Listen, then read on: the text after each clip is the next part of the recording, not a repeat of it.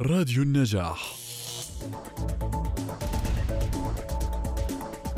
ينظم المجلس العربي للعلوم الاجتماعية المحاضرة السنوية في إطار سلسلة محاضرات فاطمة المرزنيسي حيث تلقي المحاضرة زين الزعتري والتي تحمل عنوان تحولات الحركات النسوية في المنظمات العربية السردية والتغيير المجتمعي وذلك يوم الثلاثاء من نوفمبر عبر تطبيق زوم